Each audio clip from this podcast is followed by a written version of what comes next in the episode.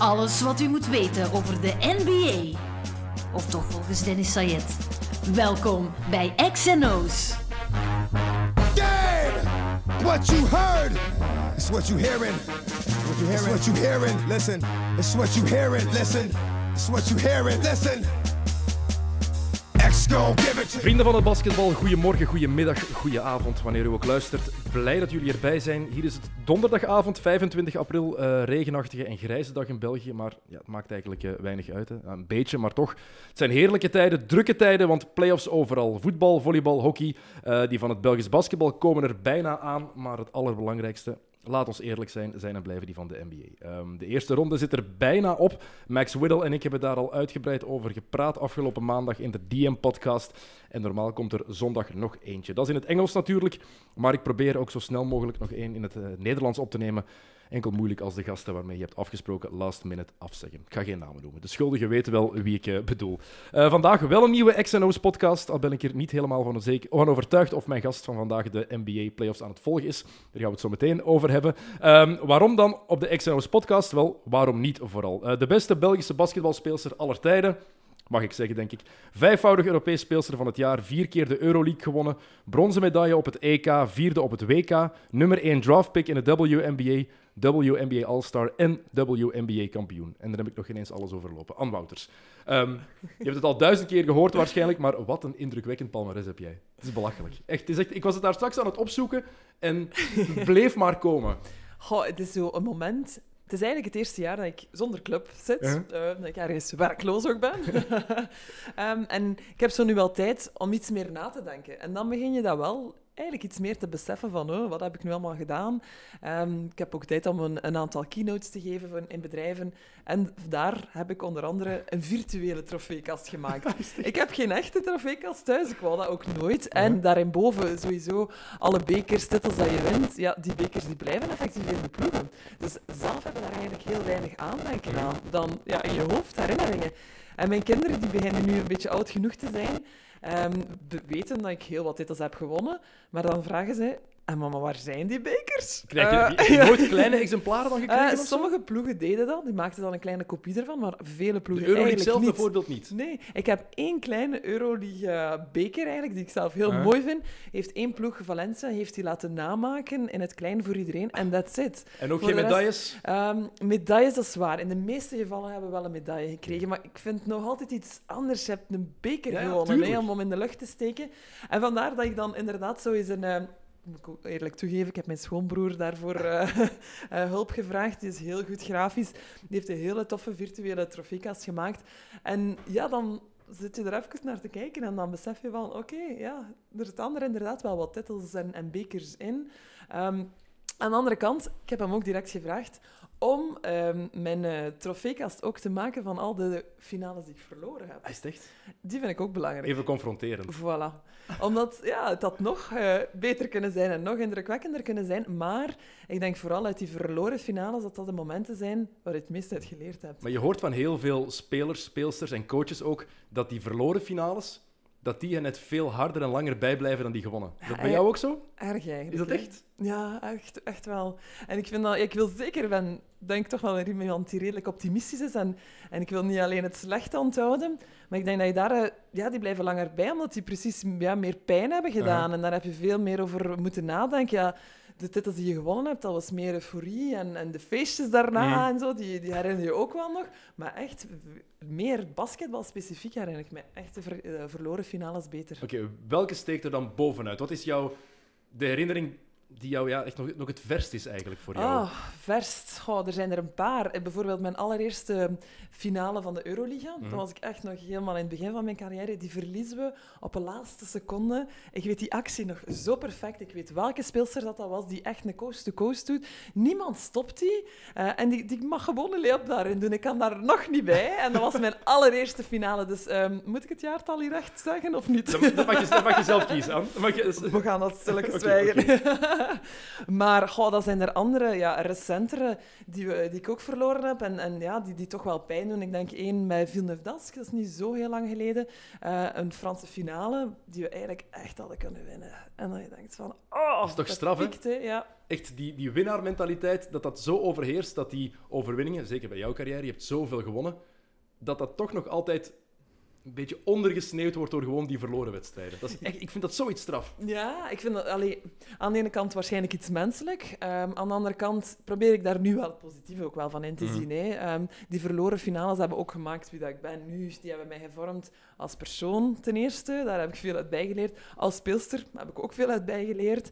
En ik denk dankzij net die verloren finales heb ik er ook wel nog een paar andere kunnen winnen. Ik ben er zeker van, om, omdat ik mentaal sterker ben geworden, omdat ik geleerd heb uit de fouten. Dus ehm, het is ook niet dat ik eh, ja, die gewonnen titels volledig vergeet. Dat ook wel natuurlijk niet. Je zei het al, het eerste jaar dat je zonder club zit, ehm, want het komt omdat je geblesseerd bent, omdat je nog altijd aan het revalideren bent. Dus de belangrijkste vraag, hoe gaat het eigenlijk? Met jou en met je knieën. Ja, voilà. Die knieën, hè. Oh. Ehm, het gaat eigenlijk beter. Dus dat is eh, ik ben ehm, in een goede flow, laat ons zeggen. Ik heb wel al heel wat... ehm, ja, het afgelopen jaar is toch wel wat rollercoaster Mhm. geweest. Hè? Wel, wel veel ups en downs, ups en downs, die elkaar altijd maar afwisselden. Nu voel ik dat ik echt wel sterker ben geworden. Eh, die knieën die gaan nooit niet meer oké zijn. Dat weet ik ook. Eh, die zijn kapot gespeeld. En, en na twintig jaar carrière mag ik eigenlijk blij zijn dat ik er nu pas last van heb. Ehm, dus dat besef ik allemaal wel. Maar ik denk ehm, dat ik nu ook wel manieren probeer te vinden om toch nog op een oké mogelijke manier te bewegen. Mhm. En dat lukt mij nu beter en beter. Ik heb echt wel het gevoel dat ik in de laatste weken een sprongje heb gemaakt. Dat ik iets beter begin te lopen, te bewegen. En ja, nu moet het basketbalgedeelte daarbij komen. Want je bent aan het revalideren bij eh, Move to Cure en Lieve Maaschalk. Hoe doe je dat dan? Want je revalideert daar, dat is puur om die knie sterker te maken, om dat lichaam sterk genoeg te maken om te kunnen basketballen. Maar er is geen club. Dus Nee. hoe doe je dat dan? Ja, goh, in alle eerlijkheid had ik zoiets van, na dat WK, ik heb dat WK echt op, op een half been zelfs maar gespeeld. Niet op één been, op een half been. Dus en dat, wou ik, dat had ik zoiets van, oké, dit wil ik wel nooit niet meer doen. Dat was in, ik heb daar gewoon niks van voorbereiding voor kunnen doen met de ploeg. Eh, ik denk de uren moet zo dat ik maar frustrerend zijn geweest voor gebasket jou. heb, die kan ik op één hand Ja. tellen. Dus dat was echt wel heel moeilijk. We hebben dat als ploeg schitterend gedaan. Ik ben daar heel blij voor ook, eh, om, om die ervaring mee te kunnen mee te kunnen pakken. Maar dan wist ik ook wel dat ik een aantal maanden nodig ging hebben om echt wel te recupereren. Dat heb ik de eerste maanden gedaan. Dus eigenlijk, ik mocht wel fietsen, ik mocht wel ehm, blijven fitnessen en zo, dat wel. Maar dan vanaf januari ben ik echt wel heel intensiever beginnen trainen in, hier in Antwerpen, bij, bij Lieve. En ehm Lieven is wel iemand ja, met veel charisma natuurlijk. Hè, en, en heeft vooral superveel ervaring. Ik weet de allereerste keer als ik bij hem ging, hij deed zo eigenlijk één testje met mijn knie, of dat ik die eigenlijk nog volledig kon strekken. En dat ging. En hij die zei tegen mij, het komt in orde. Ja, is goed, het komt in orde. En op die momenten ja, had ik dat eigenlijk ook wel nodig. Iemand, zeker ja, met zijn ervaring, die daarin geloofde, die, daar, die mij vertrouwen gaf. En ik zei, oké, ja, dat gaat hier lukken. En vanaf die moment ja, zijn we vertrokken. En eh, ik zeg het, is zeker niet eh, alleen maar een verhaaltje met eh, leuke dingen. Helemaal niet, want waren veel revalideren momenten... is nooit leuk, hè? Er waren veel momenten dat ik dacht van, allee, dat betert hier gewoon niet. Ik heb nog altijd zoveel Mhm. pijn. Ehm, ik zie niet veel vooruitgang, hoewel dat er eigenlijk wel vooruitgang was. Maar dat we weer altijd meer kunnen en nog meer kunnen. En er is toch nog altijd een groot verschil, zoals je net aanhaalt, tussen die oefeningen doen en een basketbalmatch spelen. Dus ehm, ja, dan heb je toch wel ook wel wat twijfels. En dan heb je zo iemand wel nodig die je wat de weg kan, eh, kan wijzen. En op dit moment ben nu deze week ook beginnen, ehm, begonnen op het terrein. Ehm, terug echt wel met bal. Hè. En, en dat is wel echt wel leuk ja, om in die fase te komen. En ja, ik heb er een goed gevoel bij. Dus eh, ik heb nog een aantal weken en ik hoop dat ik er klaar voor ga zijn. Gewoon. Eh, hij zei mij, want ik ben van de week ook bij hem Ja. geweest, dat hij er heel veel vertrouwen in heeft dat, Voilà. hij, dat je sowieso terugkomt. Dus nog even bevestigen dat het zo is. Want het grote doel natuurlijk is ehm Tokio 2020, de Olympische Spelen. Ehm, had je dat een paar jaar geleden durven denken dat die kans er ooit nog zou komen? Want je praat daar echt al heel lang over. Hè, van ooit wil ik op de Spelen staan. Dat is waar. En, en nee, absoluut niet. Ik denk, ehm, om heel eerlijk te zijn, ik denk een drietal jaar geleden was ik bijna klaar om afscheid te nemen. Ik had altijd een klein plan in mijn hoofd, zoals mijn kinderen eh, de kleuterklas uit zijn, als ze aan de lagere school moeten beginnen. Ja, dan is het wel echt genoeg geweest tegen dan ga ik ongeveer 36 zijn. Dan is het echt wel gedaan eh, met mijn carrière. Ehm, omdat je zo ook ten eerste, ja, je moet ook rekening houden met je gezin. Je kan toch niet meer zo gemakkelijk rondreizen en zo. Eh, en die nationale ploeg was eigenlijk een gesloten eh, hoofdstuk voor mij. Vooral om het feit eh, dat ik niet meer zag zitten om heel mijn zomers op te offeren aan de nationale ploeg. En dan is natuurlijk heel het systeem veranderd. En dat heeft natuurlijk er ja, toe gebracht dat ook Emma Meesman terug kon meedoen met de nationale ploeg. Dat zij niet die keuze moest maken tussen WNBA of nationale ploeg. Philippe Mesta gaat het roer, um, die ook wel een familieman is, die, die voor mij ook heel goed snapte wat er belangrijk was. Ik wil mij inderdaad nog inzetten voor die nationale mm. ploeg. Ik voelde ook van, oké, er is wel heel wat talent in die ploeg. We kunnen er wel iets van maken. Maar er zijn ook andere dingen die belangrijk zijn. Hij snapte dat allemaal en hij heeft eigenlijk alle stukjes van de puzzel bijeengebracht. Um, en nu ja, zijn we inderdaad drie jaar verder en nooit, ik geef dat heel eerlijk toe, nooit had ik gedacht dat we hier nog met een bronzen medaille gingen staan op een EK. Dat ik nu mijn grote droom misschien wel nog werkelijkheid kan maken. Nee, absoluut niet. En dus vandaar ben ik ook wel blij dat ik die droom nog heb, ook al ben ik 38. Ehm, en dat ik nog niet gestopt was met ja. basketten drie jaar geleden. Dat, echt, zou het helemaal afmaken ook. En dan is het full circle, denk ik. Als je de spelen kan meemaken op het terrein, want dat is heel belangrijk natuurlijk, dat je kan spelen, dan denk je dat echt wel het verhaal rond is. En wat ik me soms afvraag is, want we zitten met een heel uitzonderlijke generatie bij de Belgian Cats. Blijkbaar de volgende is ook een generatie die, waar heel veel talent in zit. Uh, dus voor het vrouwenbasketbal zit het even goed. Wat als jij in je prime ook zo'n generatie had gehad. Niks af te dingen, afdoen van de speelsters die toen in de nationale ploeg zaten, maar we moeten daar eerlijk in zijn. Kwalitatief was dat niet wat het nu is. we hebben inderdaad één keer heel dichtbij geweest ja. met een, kwalificatie voor Olympische Spelen. Uh, en dat was altijd voor mij, was de nationale ploeg, net niet het verhaal. We kwamen Athene? altijd... Um, 2004? Athene waren we er dichtbij. En dan eigenlijk 2007 op het TK zijn we zesde geëindigd. En daar mochten we de eerste vijf maar door. Dus het was eigenlijk ook wel nog heel dicht. Um, dus we zijn er een paar keer wel dichtbij geweest hoor. Uh, maar ja, sport is hard soms hè, en dan net niet. Ja, dat is niet. Hè. dus je gaat gewoon niet door. Um, soms denk ik gewoon, ja, moesten Emma en ik iets minder in leeftijd verschillen. dat zou ook al. Uh, dat zou ook wel fantastisch zijn. Um, Emma is natuurlijk een boordevol um, talent en vooral Um, zo efficiënt, zo gemakkelijk om mee samen te spelen. Um, zij, zij voelt gewoon basket. Ze weet naar waar ze moet gaan, ze weet hoe dat ze moet bewegen. Heel gemakkelijk om met haar samen te spelen. Dus daar denk ik van, oh, als wij nog een, beetje langer met elkaar mm kunnen samenspelen, dan hadden we ook wel um, nog veel dingen kunnen samen Het is ook de mindset hè, die een beetje gelijkaardig is bij jullie. Jullie zijn allebei echt pure teamspeelsters.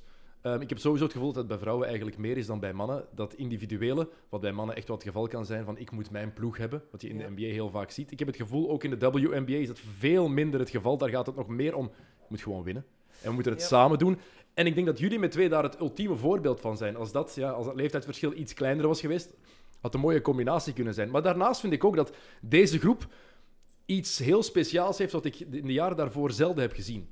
Dat klopt. En je kan dat, het is zo typisch gemakkelijk om te zeggen, ja, je kan dat niet uitleggen. Maar het is echt zo. Je kan dat moeilijk uitleggen, omdat als je kijkt naar hoe jullie spelen, hoe jullie op het veld staan, dan zie je wat ik daarmee bedoel.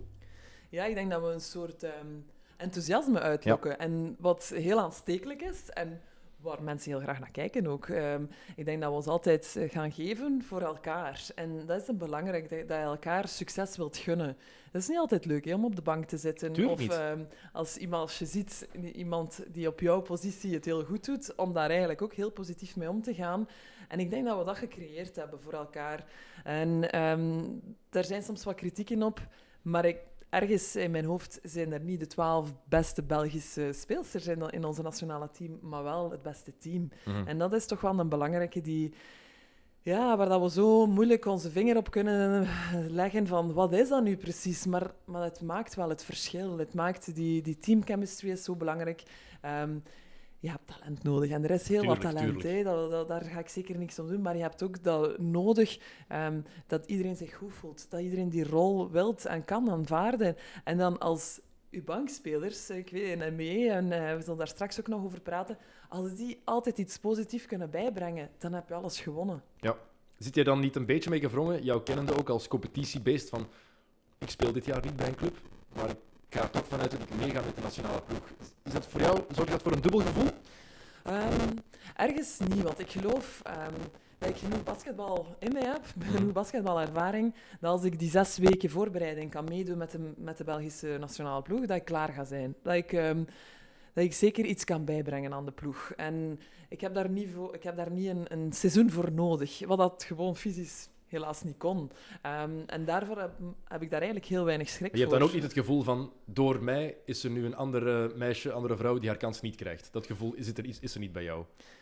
Eh, op dit moment niet, dus natuurlijk... Probeer het er eh, niet ja. aan te praten, ik vraag Nee, het me nee, gewoon nee. af. Hè. Op dit moment ehm, denk ik, als ik tenminste op een oké manier nog eh, kan bewegen, en, en eh, heb ik nog mijn waarde in de ploeg. En dat gaat natuurlijk in de eerste plaats nog op het veld, maar ook natuurlijk daarbuiten. Mhm.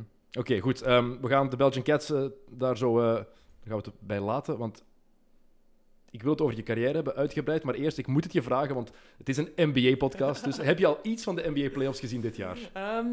Goh, ik volg het. Ik vind het altijd een beetje jammer. Ehm, als ik in België ben, in Europa, vind ik het altijd moeilijker om het te volgen. Waarom? Omdat ik er gewoon niet voor wil opstaan.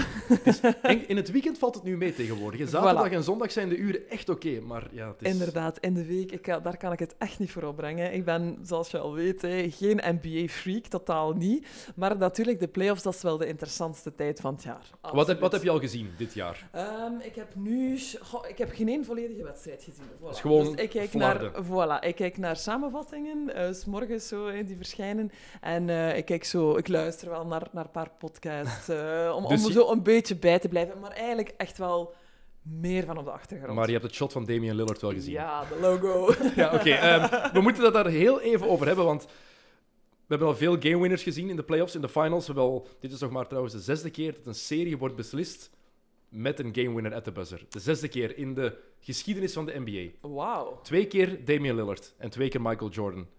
Het is altijd straf. Eén keer Ralph Sampson, één keer John Stockton. Maar Lillard en Jordan, dus allebei twee keer. Dat is al maf. Maar het feit dat dat... Want Paul George, de, die Lillard aan het verdedigen was, zei in de persconferentie achteraf... Maakt me niet uit wat iedereen zegt, het is een slecht shot. Ja, En iedereen die lang gebasketbald heeft, zal dat beamen. ja, Maar bij iemand als Damian Lillard of Stephen Curry, die twee, ja. is dat toch geen slecht shot meer? En dat is het maf, hè, hoe het basketbal aan het veranderen is. Voilà, ik denk het ook. Ik, denk, ik heb het gehoord inderdaad dat hij zei, ah, it's a bad shot, I don't care, eh, dit en dat. Ehm, en het is inderdaad, eh, ze praten daar over feet, ik weet niet hoeveel meter dat, dat is, maar dat is inderdaad wel 30 feet plus, ja. eh, heel ver, hè, is dat. Ehm, wat ik vind daarvan, ja, dat is gewoon maf, hè, dat hij dat op dat moment... Ja, Step, opzij stappen ook nog, hè. Voilà, dat hij dat gewoon neemt, dat shot, dat nog maakt ook. Voilà. Dus dat, dat maakt van hem een ongelooflijke clutch player. ja, dat ehm, bewijzen de cijfers al.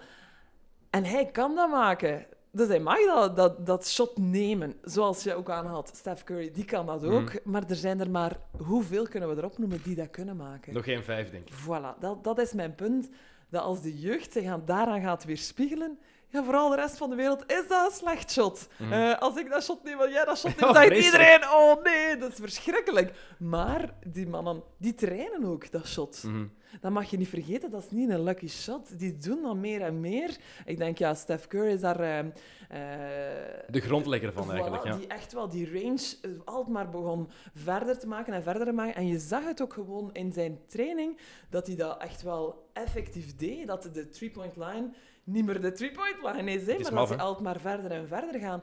En als je dat dan beheerst, die skill, ja, dan kan je dat shot nemen. 8 op 12 dat Lillard van meer dan 30 voet. Ja, dat is belachelijk. Ehm, want ik vind het een... Het shot was, als je het keek, was gewoon belachelijk. Ja. Ik heb het tien keer opnieuw opgezet, maar nee, onmogelijk. Die was van een klein daar. fakeje, Ja. hè, en dan nog naar de, naar de kant. Die ja. sidestep, want hij had de bal met nog 12 seconden te gaan. Hij kon perfect naar de ring drive, hij kon kiezen. Hij wou dat shot van Ja. daar nemen. Maar het is ook nog eens tekenend over hoe basketbal als sport aan het veranderen is. En ik weet niet hoe dat bij jou is, maar ik heb daar heel gemengde gevoelens bij. Ene keer denk ik vind het fantastisch om Stephen Curry, Damian Lillard, Trae Young bezig te zien, om die driepuntshots te zien. Ja. Maar langs de andere kant vraag ik me soms af, is het wel een goede tendens als, zoals je zegt, als die jonge gasten dat ook allemaal gaan Ja. beginnen doen? Ik heb daar ook wel af en toe moeilijk mee. Ik denk dat ik ook natuurlijk van een eh, andere generatie dan Mhm. alweer ben. Ehm, het is goed dat die sport evolueert. Absoluut. Daar ben ik een grote voorstander van. Eh floaters. Ik ken nog coaches die dat nog altijd geen goed shot vinden. Dat is wel een goed shot Ja. voor sommige spelers. Ik denk dat je het goed moet verstaan voor wie welk shot goed is. Eh, en daarvoor heb je ja, toch wel een bepaald basketbal-IQ nodig om te kunnen weten van, oké, dit past bij mijn stijl, dit is een goed shot voor mij. En ik denk dat de jeugd, dat is gewoon het, het vluchtige nu van onze maatschappij. Ik denk dat er heel weinig nog naar een volledige match kijken, maar dat enkel de highlights zijn. En dat is niet meer het echte spel. En je moet altijd beginnen natuurlijk met de basics, met de fundamentals, vooraleer je ooit zo'n shot kan maken. Mhm. Ik denk dat je wel heel andere shots eerst hebt Ja, moeten die maken. mannen zijn ook begonnen met die shots te maken in de paint, Voilà. rond het cirkeltje. Ja. Heel rustig, één, Ja. één arm omhoog. Ja, Iedereen begint daarmee. En Dus Curry en, en dat, Lillard, dat is gewoon het punt waar ik soms ja, ook moeilijkheden mee heb. Ehm, als je jonge mannetjes of meisjes ziet eh, shotten die, die met moeite nog maar van de vrijworplijn kunnen shotten, die al drie punters aan het shotten zijn, dan denk je, nee, er is hier iets fout. Je Maar moet zie je, het eerst... graag? ehm, zie je het graag, het spel court? Want het, het veld is zoveel groter geworden. Een fastbreak bijvoorbeeld. Vroeger was het automatisch. Een fastbreak liep je en de twee wings die liepen naar de basket toe. Ja. Nu gaat iedereen automatisch naar de hoek Naar voor de driepuntshot. Ja, ik heb daar nog ook gemengde gevoelens bij. Ik ben dan ook een bek natuurlijk. Ja. Hè? Dus als ik tegen dat ik dan net aankom aan die driepuntlijn en het shot is alweer omhoog, oeh, dan heb ik ook soms denk ik, oké, één keer kan ik dat doen, twee keer, drie keer. Eh, maar op het duur willen die backs toch ook wel nog eens touches. Ja, ja. Ehm, en ik blijf, like, ik weet het, hè, ik blijf voorstander natuurlijk iets meer van, het, van de Europese stijl, waar dat iedereen die touches heeft, waar dat de bal movement is, waar dat er ook beweging is zonder de bal. Ehm, daar blijf ik nog altijd voorstander van. Dat zie je wel meer, niet bij alle ploegen, maar kijk naar Golden State bijvoorbeeld. Het mooiste voorbeeld. San Antonio, dat weten we dat ze dat Ja. doen. Ehm, niet altijd, want ze hebben daar eigenlijk twee ploegen. Maar bij Golden State, hoe Clay Thompson en Stephen Curry zich proberen vrij te spelen, dat is ook met heel veel movement zonder de bal natuurlijk. Maar Ja. het, het veld is zoveel groter geworden gewoon. En ik hoop echt dat ze daar geen vierpuntshot bij gaan doen. ja, maar echt, er wordt zoveel over Oh, gepraat. Ik zou dat echt vreselijk vinden als daar nog een lijn bij komt. Nee, dat gaan ze niet doen, Ik- denk ik hoop het. Ik, misschien gaan ze de lijn gewoon nog ver- eh, verder maken, driepuntlijn. Stel je voor. Het zou, het zou wel eens kunnen. Ze hebben het eh, destijds ook eh, dichter gezet. Ehm, hoe ben jij eigenlijk met de NBA in contact gekomen? Want jij bent pas ook op latere leeftijd eigenlijk beginnen spelen zelf, hè? Ja, ik was zelf ehm 11, 12 jaar toen ik maar ben beginnen basketten. Totaal niet uit een basketbalfamilie. Dus ik was helemaal niet vertrouwd met NBA. Ehm, ik weet, mijn allereerste herinnering met NBA was als ik een toernooi... We hadden een toernooi gespeeld met mijn plaatselijke club in ehm Sint-Niklaas. En daar ja, had ik een of andere award of zoiets gewonnen. En als prijs kreeg ik daar een, eh, een videocassette nog van... voor onze jonge luisteraars, eh, die weten niet meer wat dat is. VHS, Eh, ja. VHS. Zoek maar eens op. Ehm, en daar waren inderdaad, er was een, een, een mixtape eigenlijk met highlights van, van in de huidige periode. Michael Jordan stond daar Ja. heel veel op natuurlijk. En dat was eigenlijk de allereerste herinnering dat ik heb. Dan ging er ook zo aan een wereld voor mij open. En ik zei, wauw, wauw, wat kunnen die mannen allemaal zalig. En ik was er aan het kijken, ik probeerde dat dan na te doen, wat totaal niet lukte. Zoals bij iedereen. Zoals Ja, bij voilà. iedereen. Ehm, dus dat is mijn allereerste herinnering. Voor de rest heb ik heel weinig eigenlijk echt wel eh matchen gevolgd. Mijn ouders zaten totaal niet in, in de sport. ehm, dus vandaar ben ik echt wel op latere leeftijd daarin gerold. En ehm, ja, alles is dan wel heel snel gegaan voor mij. Op 19 jaar ben ik inderdaad gedraft dan ehm, bij Cleveland. Eh, ik weet nog, dat zijn eigenlijk belachelijke beelden als ik daarna terugkijk. Ja, ik was zelf nog zo jong en besefte ook niet goed wat dat, betekende. Maar niemand beseft dat hier volgens mij. Jij was een number one pick hè? Ja. in de vierde draft uit de geschiedenis van de WNBA. Ik denk, Emma Meesman bijvoorbeeld is in de tweede ronde gedraft, als negentiende. Ja. Jij was een nummer één overall pick. Dat is, dat is maf, hè? Ik weet niet dat- of je dat zelf beseft, maar dat nee, is- maar en als je mijn reactie dan... eh, Ik heb dat filmpje ooit eens teruggezien en dan is het... Yay, I'm happy. I can go to America, zeg ik dan nog. Maar echt zo schaamtelijk. En ik dacht, oh, ik wist echt gewoon van niets. Cleveland, dat vroeg je mij. You know, ik was er totaal niet op voorbereid. Ik wist niet wie dat... Pff, Cleveland, waar ligt dat? Ik wist dat niet, hè? Dat wil je ook niet weten, maar goed. dat is niet de meest aantrekkelijke stad, maar alleen tot daar aan toe. Ehm, ik, had op, allee, ik had mijn huiswerk daarover kunnen maken. Ik had dat allemaal niet gedaan. Ik, ik weet nog dat ik hier in Brussel in de studio zat. Dat was mijn live verbinding. Ik was al blij dat ik een t-shirt had gekregen van WNBA. Dus voor mij was mijn avond al gelukt. Wist- Wist je, wist je op voorhand dat je als eerste gekozen Nee. ging worden? Echt niet. Het is daarom dat dat zo'n belachelijke reactie Want was. iedereen tegen, als je, tegenwoordig zit iedereen daar ook en dan Ja. krijgen ze een camera op hun gezicht of ze Voilà. weten het via hun agent. Jij wist echt van ik niks. wist echt van niets. dat waren nog ja, de tijden, ook voor al de social media. Ja. Eigenlijk, ja, internet ja, was er wel, maar toch niet in de mate van, begin, eh, van nu. Dus ja, eigenlijk op zich wel, wel een leuke herinnering. En dan ben je daarna meteen naar de States gegaan. Hoe lang was het na de draft voor je... Eh, ik denk, ik had nog mijn seizoen in Frankrijk dat ik moest afwerken. En dat weet ik wel nog. We hadden dan die titel gewonnen in Frankrijk. En dat was zo moeilijk, want ik wou eigenlijk graag nog feesten met mijn ploeg. Want we hadden de titel gewonnen en dit en dat. En ik moest die volgende morgen zat ik op het vliegtuig. En Dus naar dat, Cleveland of all ja, places. dus dat was wel een, een moeilijke. Ja. Ja, want je hebt daarna in New York gespeeld, San Antonio, Seattle, Los Angeles. Drie van de vier heel leuke Ja. steden. San Antonio, ik ben er ook geweest. Ja, niet overtuigend. het is gewoon. Er is niet veel te zien in San Antonio. Je hebt de Riverwalk en dat is het. ja, dat Ja. is waar. Maar we hadden daar een heel tof team. Ja. Dus dat maakte alles Goede goed. cultuur daar. Voilà. Dat, is, dat, is, dat is een feit. Maar dan kom je aan in Cleveland als vrouw van 19 jaar, die nog maar eigenlijk net prof is geworden. Ja, eigenlijk tiener. Was het een cultuurshock? niet noemen. Was het een cultuurshock? Ah, mijn, ehm, ik weet dus, na die lange reis ehm, kom ik daartoe. Er werd wel direct de camera wel in mijn gezicht geduwd. wat ik ja, totaal niet gewoon was. En ik kwam daar weer toe. Oh, I'm happy to be in America. Ja, zo, ja. Maar eh, dan hebben ze mij direct naar de zaal gevoerd. De zaal, arena dan. En dan was ik toch wel onder de indruk. Dat is een gevoel, alleen een herinnering die ik heb, dat ik dacht van... Wow, oké, waar zijn we hier? Ik was echt wel in, onder de indruk dat we in zo'n arena allee, gingen, ja, gingen spelen. We trainden daar eigenlijk ook bijna altijd. Ja, er was niks anders te doen in Cleveland, dus die arena was altijd vrij om te trainen. Ehm, en dan was ik toch wel echt onder de indruk van, wow, gaan we hier spelen? Daarna kwam natuurlijk het, het harde gedeelte. Ehm, dat was echt wel... Ik denk, daarvoor had ik twee jaar in Frankrijk gespeeld, twee keer eh, twee jaar prof. Maar toch, ook al was het een professionele omgeving, alles was toch nog redelijk familiaal. Ehm, ik had daar ook mijn plaats in de ploeg. eh, Ik was daar zeker van mijn minuten. Ik, allee, dat, dat was toch zo een, een, ja, een soort comfortzone. Toch? Alles tot op dat moment was toch redelijk vlot en redelijk gemakkelijk gegaan in mijn, mijn carrière. En ehm, daar kwam ik ineens toe en werd ik toch wel geconfronteerd met toch een iets andere cultuur. Toch wel vechten voor je plaats, concurrentie binnen de ploeg. Jaloezie Ehm, sowieso. Jaloezie. Ik was de blanke die alles heel gemakkelijk in de schoot eh, geworpen kreeg. En ik was dat totaal niet gewoon. Ik zei, wat is dat hier? Heel pikkelhard zijn op training, echt met ellebogen. En allee, dat je echt wel moest oppassen of je had geen tanden meer. Of, eh, dus dat was ik echt wel een... ehm, ja, was nieuw voor mij. Hoe ging je daar dan mee om? Als ik daar niet op train, ik weet dat gewoon niet, hoe dat ik dat gedaan Gewoon, heb. gewoon, gewoon terugvechten. Gewoon doen, denk ik. Ja. Ehm, op dat moment, ja, denk ik, deed ik het spelletje ook veel te graag om mij opzij te laten duwen. Ik denk dat ik gewoon gevochten heb daarvoor. En, en dat was zeker niet altijd gemakkelijk. Hè. Ik weet nog veel dat ik eh, met tranen in mijn ogen stond door, maar toch eh, daarvoor willen gaan, eh, verder willen doen, ehm, nog meer trainen.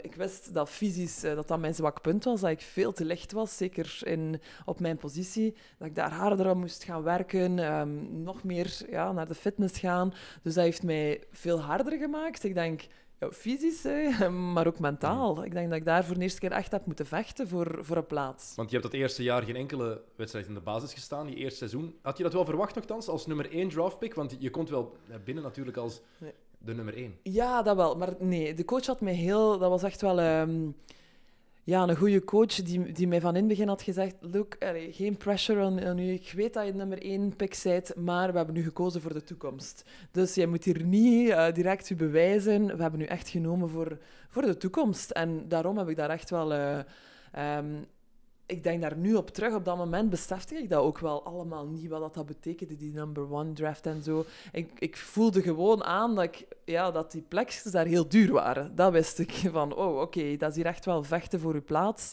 eh, om bij dat team te horen. Ik geloof me, binnen 30 jaar gaat het nog meer waard geweest zijn dat je de nummer 1 draftpick was. En het is, dat is gewoon zo. Nu, als je dat nu bekijkt, de namen die daar in het lijstje ook staan, het is, het is gewoon indrukwekkend welke topspelers er dat, dat daarin staan. En het was de vierde draft uit de geschiedenis van die competitie, dat is maf. Ja. Maar het is wel grappig. Ah, grappig. Opmerkelijk, als je bekijkt hoe de WNBA toen bekeken werd. Als je dat vergelijkt met nu, en dan heb ik het niet enkel over de basketballiefhebbers, maar ook over de, over de spelers zelf. Nu is er ongelooflijk veel respect voor de NBA-spelers, voor de WNBA-speelsters. En ik heb het gevoel dat dat toen nog niet zo hard leefde. Oké, de cultuur is ook veranderd in de NBA. Ja. Toen was de tijd van Allen Iverson, Stefan Marbury, eh, Vince Carter. Ja. Nu is het helemaal anders. Als je bijvoorbeeld een, een LeBron of een, een Kyrie Irving of een Stephen Curry, als je hen hoort praten over, over de speelsters van de WNBA. Die hebben daar zoveel bewondering voor en die, die herkennen die skills ook. En ik, ik heb het gevoel dat dat toen in het begin nog niet het geval was. Nee, ik denk dat, zoals alles, hè, ik denk dat we ook, eh, ons ook ergens een beetje moesten bewijzen. Hè, dat we inderdaad ook eh, genoeg skills hadden, dat, dat we ook eh, konden basketten. Ik denk dat er inderdaad veel ehm, van die clichés altijd, oh, I'll beat you one-on-one, dit en dat, dat dat altijd naar boven kwam. Maar dan stilletjes aan dat er ehm, ja, meer respect gewoon is gekomen. Ik denk dat die jongere generatie dan van de super-NBA-sterren Ehm, dat er bijna ook allemaal papa's zijn van meisjes. En dat zij dat juist belangrijk vinden. Kobe er, is, dat was er de eerste voilà, inderdaad. ja. Dat er ook rolmodellen zijn voor hun dochters. Uh, dat niet meer uh, in een in een, uh, in een boxje wordt gestoken. Ah, je bent een meisje, dus uh, ga maar tennissen of dansen. Nee, je mag doen wat je wilt. En, en kijk, er zijn rolmodellen ja. voor jou ook. Um, het is niet enkel de jongens die mogen basketten of, um, of wat dan ook. Maar ik denk dat dat ook wel een belangrijke mindset is die veranderd is. Die zeggen van, ah, kijk, jullie kunnen ook opkijken naar iemand. Vond jij dat niet lastig dan, dat jij dat misschien minder had? Zo'n vrouwelijk, rol, vrouwelijk rolmodel als het op basketbal aankwam? Ja, dat is ergens wel. Ik heb mijn eigen pad zo aan moeten ja? maken. Want um, ik weet nog, uh, toen ik in het zesde middelbaar zat, um, wist ik niet hè, dat, er, dat je professioneel kon basketten. Jawel, toch wel. Want toen was er een allereerste commercial van die WNBA. Uh, dat was het allereerste jaar en dat circuleerde Ik herinner ook. mij die commercial. En met Lisa Leslie, ja. uh, Cheryl Swoops, die, die weet ik ook nog heel goed. En een Chinese, een hele grote Chinese. Ja, ik weet haar naam niet, maar ik, ik zie het voor mij. Het werd toen heel veel uitgezonden, dus voilà. ja, absoluut. Dus dat weet ik nog. En toen op dat moment had ik wel gedacht van oh ja, daar zou ik wel, dat moet wel mijn doel zijn. Daar wil ik wel bij geraken. En dan tussen dat en drie jaar later gedraft worden, ja, was wel heel snel gegaan voor mij. Um, dus er was niet echt een, iemand naar wie dat ik opkeek, want een Lisa Leslie, die Charles Swoops, ik kende die nee, niet. Die werden te weinig hier in Europa in, in de kijker gezet, enkel ja, door die ene commercial. Terwijl nu de grootste namen, Diane Taurasi, Britney Griner, iedereen kent die ook wel. Ja, ik denk dat ja, social media daar natuurlijk een uh, grote factor in is. Als je geïnteresseerd bent in vrouwenbasket, kan je die volgen, Ja. weet je wat dat ze doen. Um, en dat geeft natuurlijk wel een heel ander platform um, ja, voor ons als, als basketbalspeelsters. Wat is je beste herinnering aan je periode in de WNBA? Het is een hele grote periode geweest. Eén um, keer All-Star, één titel gewonnen. Ja. Wat is jouw beste herinnering daaraan? Um, Oeh, moeilijke Ja? vraag. Hè? Ja. um, natuurlijk uh, meer op echt individueel vlak. Ga nu ook even selfish zijn. Natuurlijk, als ik, als, uh, als ik in New York speelde, had ik een goed se seizoen gespeeld. En dan opgeroepen worden voor die All-Star Game, dat was zo een, ja, een erkenning daar.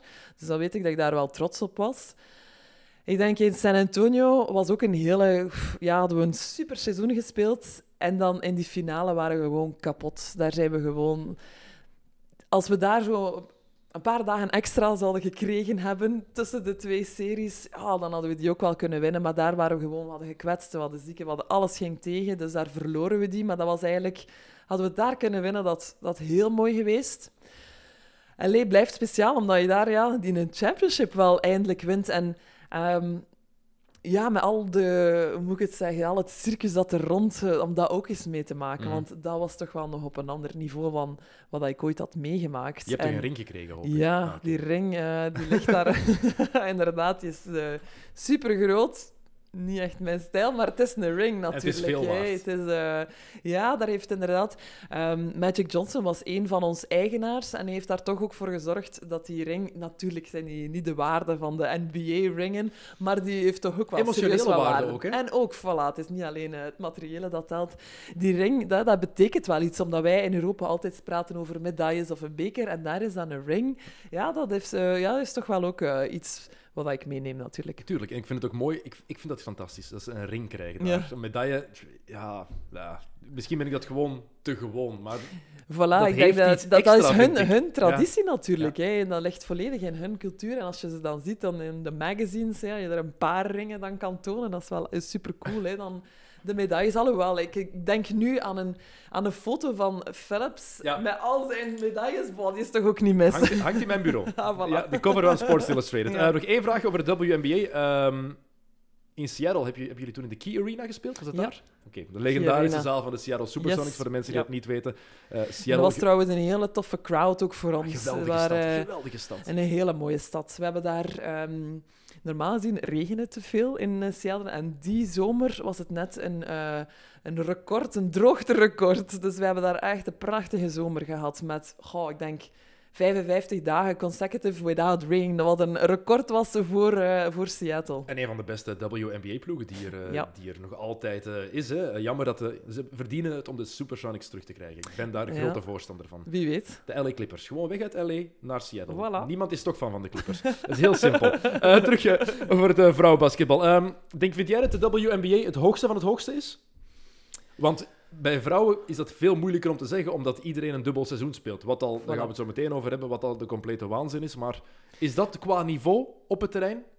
Ja, volgens mij toch wel, omdat daar ehm, het meeste competitie is.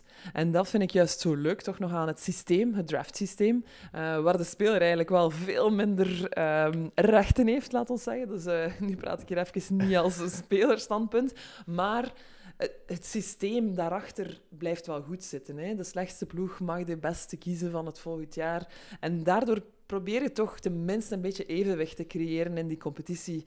En ook al nu in de NBA zijn we daar nu wel van aan het weggaan, hè, met de, de, superstars die samengekomen zijn en zo. Dus. Maar op zich, het principe daarachter dat elke stad een kans heeft om het kampioenschap elk jaar te kunnen winnen of daar mhm. toch eh, proberen, vind ik wel mooi, dat systeem. En dat mis ik soms wel in Europa. Er zijn heel dikwijls eh, twee, drie teams die gewoon meer budget hebben en de rest ja, probeert wel, maar ergens weet je al in sport, ik geloof daar ook niet echt in, in uh, miracles. Ehm, daar, daar komt het ook wel, wel op neer. En daar in, in Amerika blijft het super competitief. En dat maakt het dat toch wel ja, de beste competitie gewoon is van de wereld. Oké, want het is en blijft af, ik zei het daarnet al, ehm, vrouwen die moeten twee competities spelen. Als jullie willen rondkomen, er is gewoon geen andere, geen andere optie. Laten we daar eerlijk in zijn, dat is absolute onzin dat dat moet.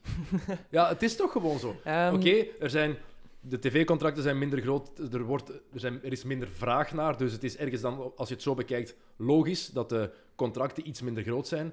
Maar het verschil nu is gewoon idioot. Even, even de cijfers voor de mensen die dat niet weten. Het minimumloon in de WNBA, minimumloon, is één voor een jaar. Hè? 41.202 dollar. In de NBA is het minimumloon voor een jaar 838.464 dollar. Het maximumloon in de WNBA 115.500. Dat is zes keer zo weinig als het minimumloon in de NBA. Een gemiddeld loon in de NBA, echt het gemiddelde is 7,4 miljoen. En de vraag is, hoe los je dat op? Hè? Want er zijn, de meningen zijn erover verdeeld. Sommige vrouwen willen dat het eerlijk verdeeld is dat ze evenveel kunnen verdienen als de mannen. Maar vooral de Amerikaanse vrouwen, um, wie is het? Um, Elena Deladon is daar een hele harde voorstander van. Die zegt van het moet gewoon eerlijk verdeeld worden. In de NBA is het het geval 50% van de inkomsten gaat naar de spelers. In de WNBA minder dan 25% maar. Ja, dat klopt niet. Hè. Dat klopt niet, hè? Nee, ik denk dat we daar in de toekomst zeker veranderingen gaan zien. Ehm, en nu ook met de collective bargaining agreement. Je voelt wel hè, dat er daar. Ehm, op, allee, dat daar verandering op komst is. Eh, ik ben altijd iemand redelijk realistisch, nuchtere Vlaamse, absoluut. Maar ehm, dus ik, probeer dat altijd zo nuchter mogelijk te bekijken. En zoals je aanhaalt, we hebben minder ticketsverkoop. Eh, er komen minder mensen kijken. TV-rechten zijn absoluut eh, niet vergelijkbaar. Maar er, zit wel een businessmodel achter. En dan ben ik volledig akkoord. Dan moet je wel ehm, eerlijk kunnen verdelen. En daarover is er ook niet altijd evenveel openheid. Eh, en waarom? Ja, dat weet ik niet. Of misschien ja, omdat ze net iets te verbergen hebben. En laten we eerlijk zijn, omdat de eigenaars meestal rijke, oudere, Amerikaanse blanke mensen zijn. Het is, dat, is, dat is een feit. Dat is er niet gewoon bijgetrokken, dat is gewoon zo. En die hebben vaak dan andere prioriteiten. En ik vind dat je dat bij de WNBA vooral heel vaak merkt. Waarom zou dat niet 50% van de inkomsten zijn zoals in de NBA? Er is, er is geen enkele reden om dat niet te doen. Absoluut. Ik, ik denk dat daar gewoon veel meer openheid en, en transparantie over moet komen. Wat ik bijvoorbeeld eh, vooral hoorde, is dat er heel wat ploegen nog verlies maken. Dus dat er geen, gewoon geen inkomsten zijn. Dus dat we. Eh, is het dan niet de rol van de NBA om daarin bij te springen? De NBA heeft de WNBA gecreëerd. Absoluut, ja. Dus, en er zijn, ja, sommige ploegen leiden daar ook verlies, maar ik denk dat de NBA genoeg inkomsten heeft. Het nationale tv-contract bijvoorbeeld, wat was het? 24 miljard voor 9 jaar. Miljard. Voilà. Miljard. en dat was alleen maar televisie. Dat zijn veel. Ja, oké. Dus om maar te zeggen, ja. Adam Silver, en ik zie Adam Silver ook, de commissioner die hij is, daar wel iets aan doen, maar ik vind dat ergens wel hun verantwoordelijkheid. Ja, ik denk dat we sterke WNBA-president nodig hebben. Dat is absoluut waar. Iemand die, eh, die de visie kan doortrekken. Ehm, ze zijn daar inderdaad 22 jaar geleden mee begonnen. Prachtig product dat nu inderdaad ook ehm, aan vernieuwing een beetje toe is. En waarin, zeker in de periode, in de maatschappelijke periode waarin we leven nu, eh, waar equality toch wel belangrijk begint te worden. Ik ben persoonlijk... Ik denk dat het onmogelijk is om, om hetzelfde te verdienen. Mhm. Daarvoor is er gewoon nog een hele mentaliteitsverandering nodig. Mensen moeten kunnen inzien ja, dat wij niet altijd gaan kunnen dunken, hoewel er meer en meer meisjes beginnen te dunken. Maar dat gaat nooit zo indrukwekkend zijn als bij mannen. Dat is hetzelfde als je naar atletiek kijkt. Ik denk heel veel mensen kijken graag naar atletiek, zowel mannen als vrouwen. Als je dat gaat vergelijken met elkaar, een vrouw blijft altijd lager springen, eh, trager lopen, maar je moet het kunnen appreciëren voor wat dat is. En ik denk in basketbal, teamsport ook. Het is gewoon ook wel anders hoe dat we spelen. We hebben net een beetje ook aangehaald dat het eh, teamaspect iets belangrijker is. Ehm, als mensen dat inzien, als bijvoorbeeld die supersterren zien dat hun dochters dat graag doen, dat ze rolmodellen nodig hebben, dat iedereen dat begint in te zien van oké, dat is echt wel... eh wij werken ook heel hard hè, om, om te kunnen eh, tonen wat dat we doen. Ehm, als, als mensen dat meer en meer beginnen in te zien, wel, dan gaan er meer mensen in geïnteresseerd zijn. En dan kan je wel een, een hele beweging op poten zetten, waarin dat er misschien wel... eh, ja, onze, de pay kan verhoogd worden. Ik ga er niet over liegen. Het is niet dat ik elke, elk jaar alle wedstrijden in de WNBA zie. Het is nog geen tiende waarschijnlijk van wat ik in de NBA zie. Ik ga het eerlijk toegeven. Ook opgegroeid met de NBA. Maar als je van basketbal houdt en je hebt nog nooit iets van WNBA gezien, kijk gewoon naar een mixtape van Diane Taurasi alleen al. Maar als je er niks van kent, kijk gewoon, Hele indrukwekkende speelster. kijk gewoon even naar haar. En dan weet je al, oh.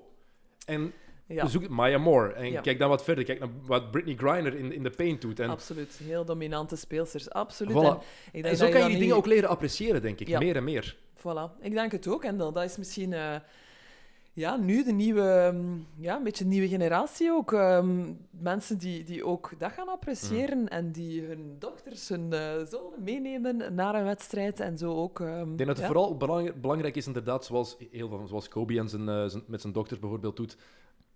Meisjes die basketballen, dat die ook de WNBA te zien krijgen en niet Ja. enkel de NBA. Ik denk dat dat ook heel, eh, heel belangrijk is. Eh, is helemaal anders. Ehm, vraag voor jou. Hoe vaak ben jij genomineerd voor Sportvrouw van het Jaar? Ja. Bij de laatste drie. Weet je Bij de dat? laatste drie. Ja, wacht eens. Ik denk zes keer. Of Ehm, zeven, zes of Ben je er ooit gefrustreerd door geraakt? Want je hebt, je, hebt, je hebt hem nooit gewonnen, de trofee. Nee, ik hè? heb nooit gewonnen. Nee, het- eigenlijk ehm, antwoord ik daar altijd een beetje hetzelfde op. Dat was wel een periode van Kim Kleisters, Justine, hè, Tia Hellebout, ehm, Kim Gevaert, Kim Gevaert. ja. Ik weet niet of dat Kim Gevaert het zelf ooit heeft gewonnen. Hoor. Ehm, Ja, wel, ik, ik ga het even opzoeken. ik dacht van niet dat zij daar ook altijd eh, uitviel. Maar ha, tegen ehm, Olympische kampioenen, hè, daar praten we toch wel over. eh, ja, Kim en Justine, wat dat die teweeg hebben gebracht in de tenniswereld voor, voor België, ja, dat is gewoon ongelooflijk. Voelde ik mij altijd eigenlijk heel ja, ergens vereerd dat ik in die top drie behoorde. Ik speelde Kim Gevaert heeft nooit gewonnen. Voilà, ik denk Voilà. ook dat eh eentje was die... ehm, ehm, op dat moment speelde ik altijd voor een buitenlandse ploeg. En nu besef ik wel het verschil dat maakt om met bijvoorbeeld de Belgian Cats succes te hebben. Dat maakt echt wel een groot verschil. En dat heb ik eigenlijk ja, in mijn carrière, als ik meer in mijn prime was, laat ons zeggen, heb ik niet echt meegemaakt. Hè. Ik heb daar niet het grote succes, ik Mhm. heb daar niet een medaille gehaald. Je hebt nooit zo. die frustratie gehad dan van mijn prestaties en wat ik, ik in mijn sport doe, wordt niet genoeg gewaardeerd. Of was het voor jou wel genoeg van ik, ik ben de beste drie naast Kim en Justine? Ja, eigenlijk wel. Ik ben daar nooit echt eh, gefrustreerd over geweest, omdat ik ook ja, een teamspeler was. Ik, ik, ik denk dat ik ook nooit de resultaten heb gehaald bij mijn Russische ploegen, bij Franse ploegen, in Amerika zonder mijn teammates. Ehm, dus daarom vond ik het altijd wel al oké dat ik genoeg waardering hier kreeg. Maar die waardering mag eigenlijk nog meer zijn. Ik heb het daarnet al even aangehaald, dat dubbele seizoen. Want ik denk niet dat iedereen echt beseft hoe zwaar dat eigenlijk is. Er is geen echte break, hè? Nee, er is geen break. We, we spreken veel vaak hè, over NBA-seizoen, dat dat 82 wedstrijden 82 zijn. matchen, En maar- dan de play-offs. Maar het is, van, het is van half oktober tot en met juni. Ja, voilà. En wij doen de, wij, ik denk dat ik ooit eens heb uitgerekend en dat ik ook aan bijna t 90 à 100 wedstrijden zat op één jaar. Dus dat was eigenlijk ja, wat dat die NBA-spelers doen, maar dan wel eh, op iets langere periode. Maar toch natuurlijk, het was heel zwaar. Hè? En, en vooral... langere periode, oké, maar als je nooit echt een break hebt, dan is dat mentaal toch... zo- Ja. vo- Vooral mentaal denk ik dat dat heel zwaar is. Het was soms het moeilijkste was, ehm, altijd naar het einde van het seizoen, ja, dan ben je dat wat beu. Dan wil je dat dat gedaan is. Dan wil je die titel winnen en dan wil je naar iets anders gaan. Dus dan, dan heb je altijd zo een periode van, ah, dan kan het niet snel genoeg gaan. En dan die dag dat je die beker wint of verliest, die volgende dag moet je gewoon klik volledig om en moet je naar iets anders gaan waar dat je spreekt over voorbereiding. En dat was soms heel moeilijk. Dat was echt wel op, ja, letterlijk de volgende dag het vliegtuig nemen naar die andere ploeg. Hoe deed je dat dan? Die klik maken? Ehm, ja, de ene keer lukt het al beter dan de andere keer, om eerlijk te zijn, hoor. Snap ik, snap ik. Goh, als je echt jong bent, ik denk dat je er alweer weinig vragen bij stelt en dat je dat weer doet gewoon. Gewoon doen, doen, doen. Als je ouder wordt, ah, dan begint dat soms wel eens te knagen. En dan heb je ook wel eens nood aan... Oké, ik moet even mijn, ja, iets anders doen, ook Mhm. dan basket. Ik heb even de tijd nodig om mijn familie te zien, om eh, iets anders te gaan, om, om eens op een strand te gaan liggen. Eh, dus dan ja, moet je wel die periodes toch een beetje beginnen in te lassen, want anders is het inderdaad ja, gewoon super moeilijk. Kan jij je momenten in je carrière herinneren waarop jij gedacht hebt, "Pff, ik heb het gehad. Echt, nu is het genoeg geweest. Constant basket, basket, basket, basket. Ehm, ja, in, in Rusland. Eh, ik speelde daar mijn zesde seizoen in Rusland. En dan, dat jaar, vond ik het echt heel moeilijk. Dan ehm, had ik iets van... Normaal ben ik iemand die heel graag naar training gaat. ehm, ja, die de matches speelt om te winnen, om mij ook wel te amuseren, om, eh, om, om samen die titel te winnen. En dat jaar had ik het toch wel moeilijk. Ja, ook voor, door verschillende redenen. Eén van de redenen was, ja, na zes jaar Rusland, lange winters, heel de tijd in de sneeuw te zitten, had ik het ook wel een beetje gehad. Aan de andere kant, de teamchemistry was helemaal niet goed dat jaar, dus dat Mhm. hielp al zeker niet. Speelt ook een rol, ja. Ehm, en dan had ik echt een moment van, oké, dit is niet wie dat ik ben. Normaal ben ik iemand ja, die basket speelt. Is nog altijd een spel voor mij. Het is een passie, een hobby. En ja, ik, ik verdien daar toevallig geld mee. En op dat moment was het zo echt wel een job geworden. En dat was het moment voor mij om te zeggen, oké, nee, nu moeten we iets doen. We gaan hier een, een echte break in lassen. Hoe lang heb je dan een break gepakt, weet je dat nog? Ik ben zwanger geworden. Ah, voilà. Goeie- dat, is, dat, is, dat is een goede break. Een goeie, goeie break, inderdaad. maar het strafste vind ik eigenlijk bij jou, ik denk dat iedereen dat vindt, ehm, buiten je kwaliteiten, wat je gewonnen hebt, wat je bereikt hebt, je blijft doorgaan. Je blijft constant doorgaan. We hebben pas afscheid genomen van eh, Dirk Nowitzki in de NBA. Ja. Na 21 seizoenen, de laatste twee jaar, zag je eruit als een lijk, hoe hij op het eh, terrein liep. Ehm, ja, het, is, het is gewoon, het is zo. Maar die bleef ook doorgaan omdat het spelletje te graag deed. En bij jou hoor je dat ook altijd, de liefde voor het spelletje. Maar zo evident is dat toch niet om gewoon van basketbal te houden en dan maar te blijven doorgaan. En vooral door die lichamelijke pijn te gaan, door die grens, door die mentale pijn ook te gaan. Want iets wat het heel hard onderschat wordt, denk ik, in topsport, dat mentale aspect. Hoe, hoe heb je dat gedaan eigenlijk? Ik denk dat ik altijd in teams heb gespeeld die hele concrete, tastbare doelen hadden. Ik denk dat ik, ja, een van de dingen waar ik eigenlijk ook wel heel fier op ben, ik denk bij elke ploeg, ik denk twee seizoenen op twee seizoenen na, heb ik eigenlijk altijd in finales gezeten. Dus dat was altijd een hoger doel. Ik wou altijd die titel winnen.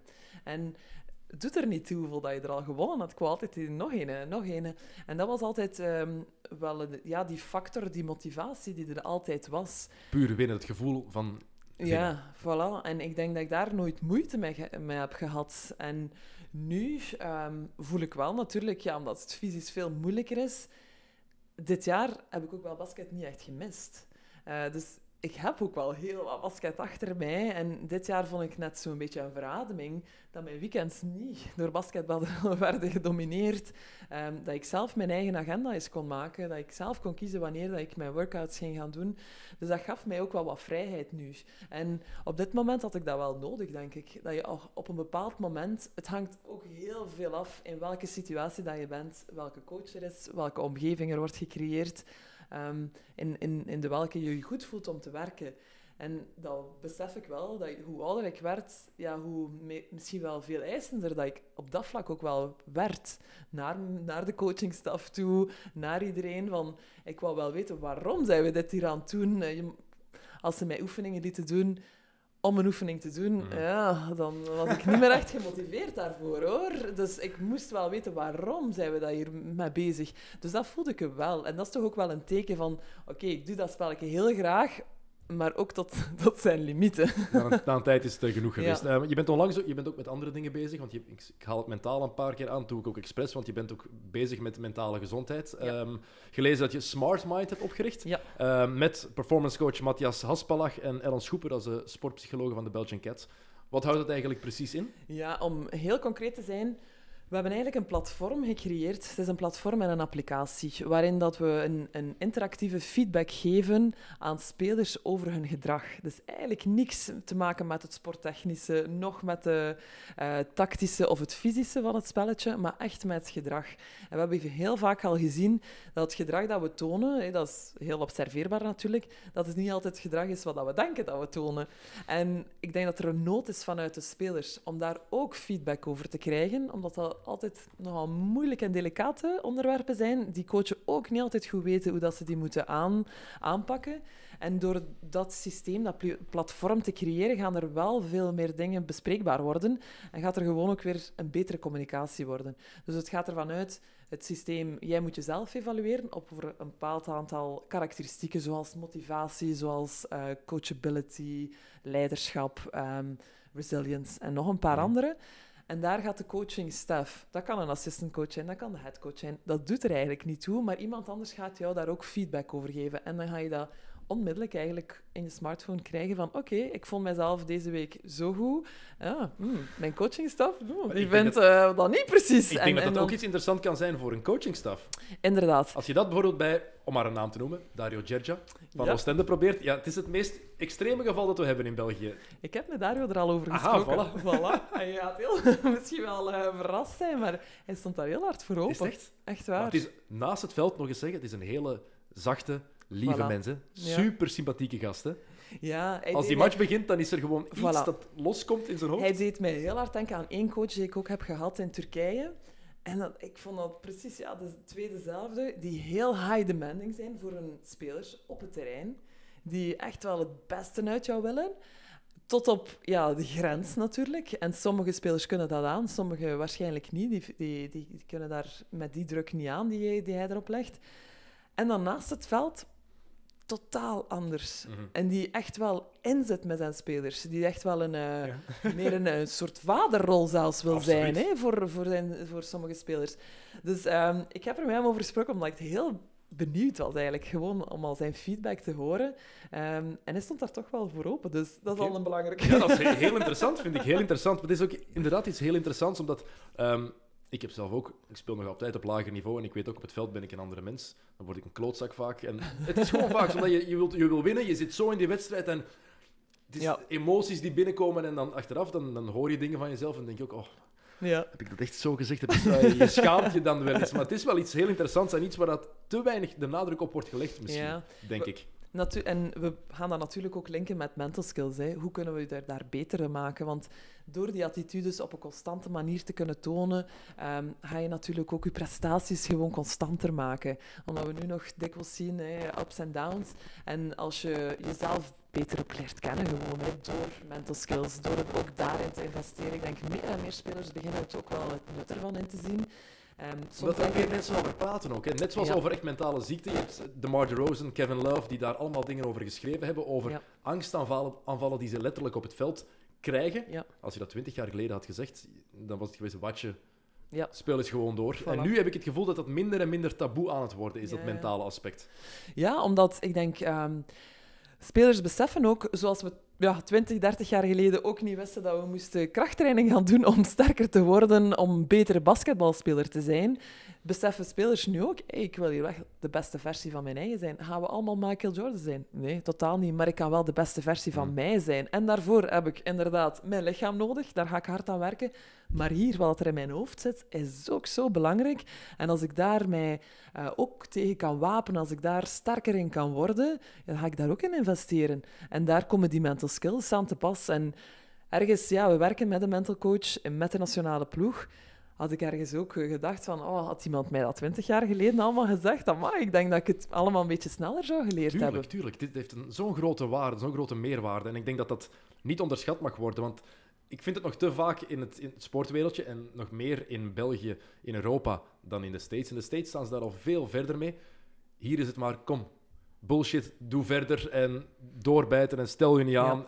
Terwijl d- sommige jongens echt wel met problemen zitten en die daar niet mee naar buiten durven Nee. komen, denk ik. En dan grijpen we heel vaak naar het cliché van, oh ja, dat is de nieuwe generatie. Ja. En wat dat ook Wat heb eigenlijk jij nu te klagen? is, Je bent een profsporter. Ja, ja, wat dat eigenlijk heel fout is. Hè. We zeggen, ah, die nieuwe generatie, die millenniums, ja, die zijn anders. eh, die, pakken, die zijn mondiger geworden. Zijn- generatie is anders. Voilà. En ik denk het ook dat dat een foute perceptie ook weer gewoon is. Want die mannen of vrouwen, die willen het eigenlijk ook wel, hoor. Maar soms zijn ze ook niet goed begeleid. En, Mhm. eh, en dan ja, vooral op het mentale vlak. Ik heb wel het gevoel dat er meer en meer mensen zich uitspreken ook. En dat vind ik ook goed. Ik ben bijvoorbeeld compleet tegen het shut up and dribble principe. Eh, sporters die zich niet mogen uitspreken over iets anders dan sport. Iets wat in Europa nog harder leeft dan in de States trouwens. Ehm, en ik heb pas een interessant interview met jou gelezen eh, in de morgen, waarin jij ook zegt van ja, ik had misschien meer een rolmodel moeten zijn. Meer, Voilà. moeten, uit- meer moeten uitspreken. Ja. Vind, vind je dat zo hard, van, dat je die Ehm, kans te weinig gegrepen hebt? Goh, ik denk dat dat ook weer met de leeftijd een beetje komt. Hè? Dat je dan beseft dat je inderdaad wel een platform hebt waar dat je ja, mensen kan aanspreken. En ik denk dat je dat ook misschien ja, iets te weinig hebt beseft. Ik, ik was gewoon heel hard getroffen door ehm, een reportage op tv die ik vorig jaar zag, Taboe, Ja. eh, dat, ehm, over eh, homoseksualiteit. En ik weet, oh, en dan nog meer homoseksualiteit in de dat, sport ehm, is nog een, toch echt nog een taboe. Maar voor mij eigenlijk ja, had ik daar misschien nog iets meer nog een rolmodel kunnen zijn. Ik heb ehm, daar nooit over gelogen, maar ik heb daar ook nooit heel... Ik ben er gewoon open over geweest, zonder daar al te veel over te doen. En wat ik wel apprecieerde, vooral in België, werd daar inderdaad werd daar geen groot spel niet meer van gemaakt. En wat dat eigenlijk ook niet meer is. Maar is het, is het niet vooral, sorry dat ik je onderbreek, maar dat het bij vrouwen vooral aanvaard wordt? Dat gevoel heb ik heel hard. Ik denk als er nu allemaal mannen ineens naar buiten zouden komen, zeggen van ik val op mannen, dat daar nog veel te veel mensen een probleem van zouden maken. Wat natuurlijk belachelijk is, hè? Ja. Maar ik heb het gevoel dat, dat, wel, dat ze, dat veel erger zouden vinden. Ja, dat is het cliché van eh, de Mm. sport natuurlijk. Hè. In, in vrouwen, als je dan ja, wat mannelijker bent of wat dan ook. Terwijl, allee, dat is allemaal clichés. Hè. Ehm, eh, komt jou dat ten goede natuurlijk in de sport? En en ik denk dat daarom iets meer aanvaard is eh, in de sport, eh, bij vrouwen dan toch, om, ehm, om lesbisch te zijn. En dan het andere cliché bij mannen, die dan iets vrouwelijker zouden zijn en vallen op andere mannen. Ja, dat komt u dan juist niet goed ten goede in de sport. Dus, Wat ook wat onzin dat, is, hè? Wat dat inderdaad... Kijk eh, naar Jason Collins, de eerste Voilà. man die ervoor is uitgekomen in de NBA. Geloof mij, die heeft tegen Shaquille O'Neal in de NBA Finals gespeeld en heeft daar zijn mannetje gehouden. Ja. Tegen de Shaq staan, niemand blijft terecht staan Nee. tegen Shaquille O'Neal. Dus het is zo'n bullshit. Ehm, ik vind het heel jammer dat het nog een probleem Ja, is ergens. en dat, dat blijft, eh, dat blijven zo in die, in die kleine boxjes denken. Hè. En ik denk, wat ik wel beseft heb door in zoveel landen te spelen ook, ehm, dat ik altijd wel blij ben dat ik eh, in België ben geboren. Dat wij wel een redelijk open eh, mindset daarover hebben. En dat ik dan mijzelf wel gelukkig prijs dat ik een gezin heb, dat ik daar niet over moet liegen, dat dat niet... eh, dat normaal is. Ehm, en dat er heel weinig vragen over worden gesteld. En daarin bedoelde ik van...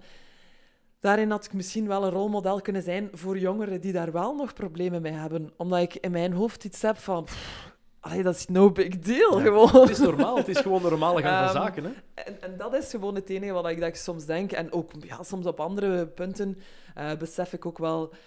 Ja, dat je gewoon ehm, je stem kan laten horen. Oké, goed. Ik ga nog een paar, want we zijn al bijna een uur bezig, dus ik ga je zo meteen laten. Een paar quick hits nog. Eh. Dus gewoon een paar korte vragen. Eh, wat is de beste ploeg waar je ingespeeld hebt? Dat is een moeilijke, want je hebt zoveel ploegen Ja. gehad, dus je hebt echt heel veel keuze. Ah, de moeilijke, moeilijke, moeilijke. Ehm, waar ik het meest succesvol ben geweest was Valenciennes. Mijn eerste ploeg, eerste profploeg. Waar we twee keer Euroleague hebben gewonnen, vier keer eh, de Franse eh, titel, vier keer de beker. Dus Oké, en de beste ploeg waar je tegen gespeeld hebt? Puur kwalitatief, waar je op het veld stond en wist van... Ehm, Oh. Spartak Moskou. Met Diana Taurasi, Lauren Jackson, Sue Bird. eh, die hadden daar... een- Drie van de, een- gro- een, nu, eh, meteen voilà. drie van de grootste Voilà, namen. die Hè? speelden allemaal daar. dat wou- was absoluut de moeilijkste. Pas bij mijn volgende vraag. Wie is de strafste waar je tegen gespeeld hebt? Is dat een van die drie? Ja, Lauren is toch wel... eh, en dan zeker op mijn positie. Dat is was echt te wel snel om te stoppen ook, hè? Omdat zij was zo ook wel in vrouwenbasket een van de toch wel eerste die echt een gigantisch goed outside shot had. Eh, dus die echt wel heel vers- veel verschillende wapens had. Maar die ook zo fysisch was inside. Dat is echt wel niet gemakkelijk om haar te stoppen. Australische is MVP geweest. Ik weet niet, Ja. of- meerdere keer. Je aan Ja, het ik kijken? twee keer of drie keer zelfs. ik Ehm, weet het niet drie keer Ja. WNBA MVP, maar eh, haar carrière twee jaar geleden is ze officieel eh, gestopt. Maar in WNBA is al vroeger eh, afgehaakt, eh, spijtig genoeg. Ehm, wie is de strafste waarmee je samen hebt gespeeld? Ik heb natuurlijk ook met veel samengespeeld. Ja. Hè. En, en bijvoorbeeld, we hebben haar al genoemd, hè, Diana Taurasi, Maya Moore. Ik heb er allemaal mee samengespeeld hier in Europa. Ehm, van Maya Moore vond ik iets ongelooflijk. Dat was haar allereerste jaar in, eh, in Europa. Wij zijn competitief, maar dat was nog een ander level. Dat was wel... Die wou geen enkele match om, in een training, in een scrimmage, die ging geen enkel matchje verliezen.